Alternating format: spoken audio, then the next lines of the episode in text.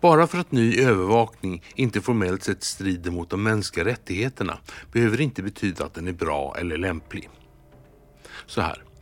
Gängen, organiserad brottslighet, terrorhot, det säkerhetspolitiska läget och den tekniska utvecklingen driver på marschen in i övervakningsstaten. Vi har en regering som gick till val på att återupprätta lag och ordning och som är beroende av ett parti som gjort hårdare tag till en framgångsrik populistisk poäng. Det politiska ansvaret vilar ytterst hos justitieminister Gunnar Strömmer som är moderat och han är i sammanhanget en intressant figur. 2002 var Strömmer med och grundade Centrum för rättvisa som driver enskilda medborgares sak mot staten utan kostnad. Centrum för rättvisa presenterar sig själva som en ideell och oberoende aktör med uppdrag att värna enskildas grundläggande fri och rättigheter. Bland annat så har man tagit sitt motstånd mot FRA-lagen ända till Europadomstolen.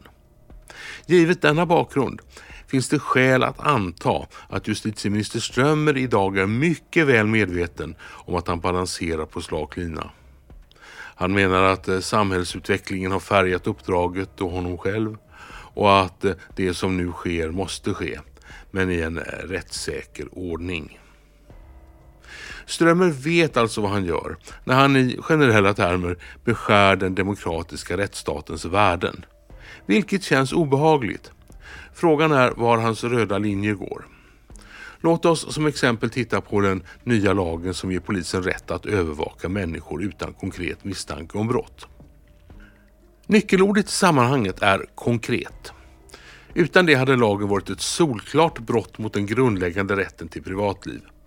Det måste alltså fortfarande finnas något skäl att anta att brottslig verksamhet förekommer. Ser man till vad Europakonventionen om de mänskliga rättigheterna har att säga om rätten till privatliv så finns det omfattande undantag. Till exempel vad gäller att förebygga brott. Det här är exempel på en svensk lagstiftning som antagits med brett stöd i riksdagen, som visserligen strider mot rättsstatens och de mänskliga rättigheternas anda, men som stannar precis innan den formella röda linjen passeras. Detta till skillnad från EU som emellanåt lägger fram förslag som allmän datalagring eller Chat Control 2 som är så svepande att de tydligt går över gränsen. EU-domstolen har därför slagit fast principen övervaka de som misstänks för brott, inte alla andra hela tiden. Men att den expanderande svenska övervakningsstaten förmodligen stannar precis innan den går över gränsen till vad som formellt kan accepteras av internationella fördrag och EU-domstolen innebär inte att den är oproblematisk. Övervakning av en person utan konkret brottsmisstanke medför att massor av andra, helt oskyldiga människor samtidigt kommer att bli övervakade. Skulle övervakningen dessutom ske med hemlig dataavläsning äventyras hela vår IT-säkerhet, vilket man inte kan bortse ifrån. Lägg till det den uppenbara risken för ändamålsglidning samt möjligheten att alla övervakningsverktyg kan missbrukas med ont uppsåt av överdrivet nit eller av inkompetens. Att justitieministern vet var de formella gränserna går och till synes håller sig precis inom dem är en klen tröst när rättsstatens principer och de grundläggande mänskliga rättigheterna samtidigt försvagas och devalveras i ett vidare perspektiv.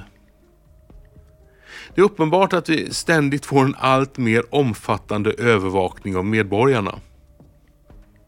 Det tog också vara uppenbart att ett samhälle med total övervakning vore oförenligt med en levande demokrati och odrägligt att leva i.